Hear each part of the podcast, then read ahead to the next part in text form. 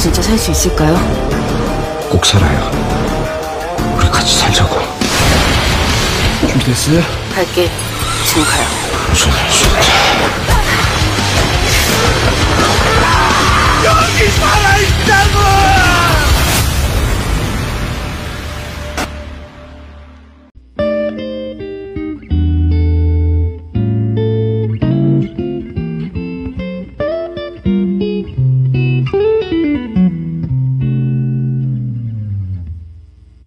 Widih, kira-kira apa yang akan kita lakukan ya? Bila kita terjebak di dalam apartemen kita dan di luar itu banyak zombie. Hey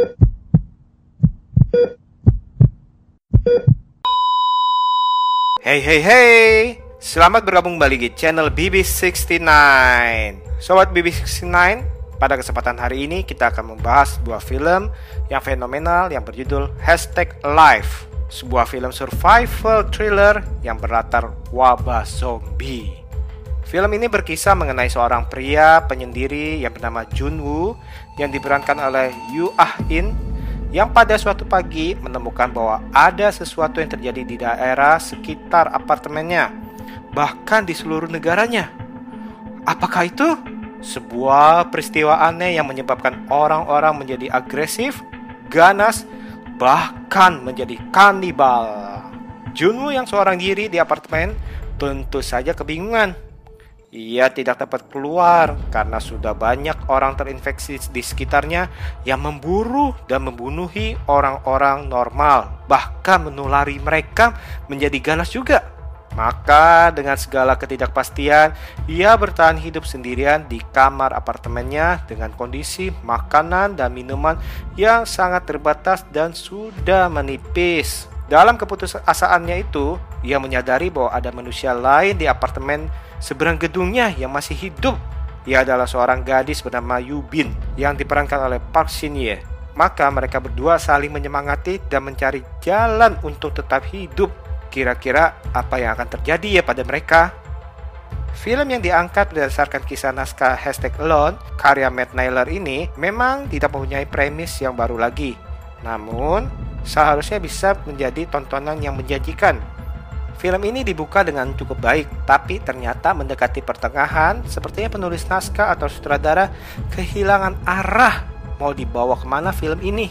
Pada awal film, sepertinya film ini mau berfokus kepada masalah bertahan hidup dan kesendirian, di mana kesendirian itu ternyata tidak kalah berbahaya dengan wabah zombie yang di luar sana. Di film ini digambarkan tokoh utama mengalami tekanan mental karena ketidakpastian akan ada manusia lain yang selamat. Apakah tema itu menjanjikan untuk diangkat? Menurut saya tentu saja. Namun di sini terasa kurang hawa depresinya. Dari atmosfernya juga aktif pemainnya yang mungkin karena naskahnya memang menyuruh mereka berakting seperti itu.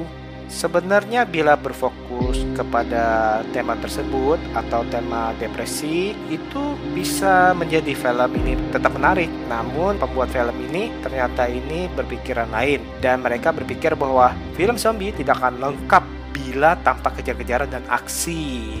Sayangnya malah terasa tanggung pemberian porsiannya. Dan ada beberapa adegan yang membuat saya menaikkan alis dan tersenyum sedikit sinis lah. Selain itu juga ada adegan yang mendekati puncak di mana ada karakter baru yang menurut saya sebenarnya tidak diperlukan karena benar-benar nanggung dan untuk apa tujuannya. Hal yang saya kurang suka juga adalah peletakan produk yang menurut saya ini kentara banget seperti iklan. Overall, apakah film ini merupakan film zombie yang jelek?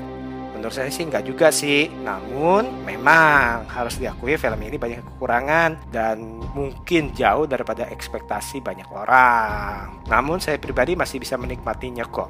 Oke deh, saya rasa sekian dulu episode kali ini dan jangan lupa cek episode-episode lainnya yang tentunya dengan tema yang berbeda.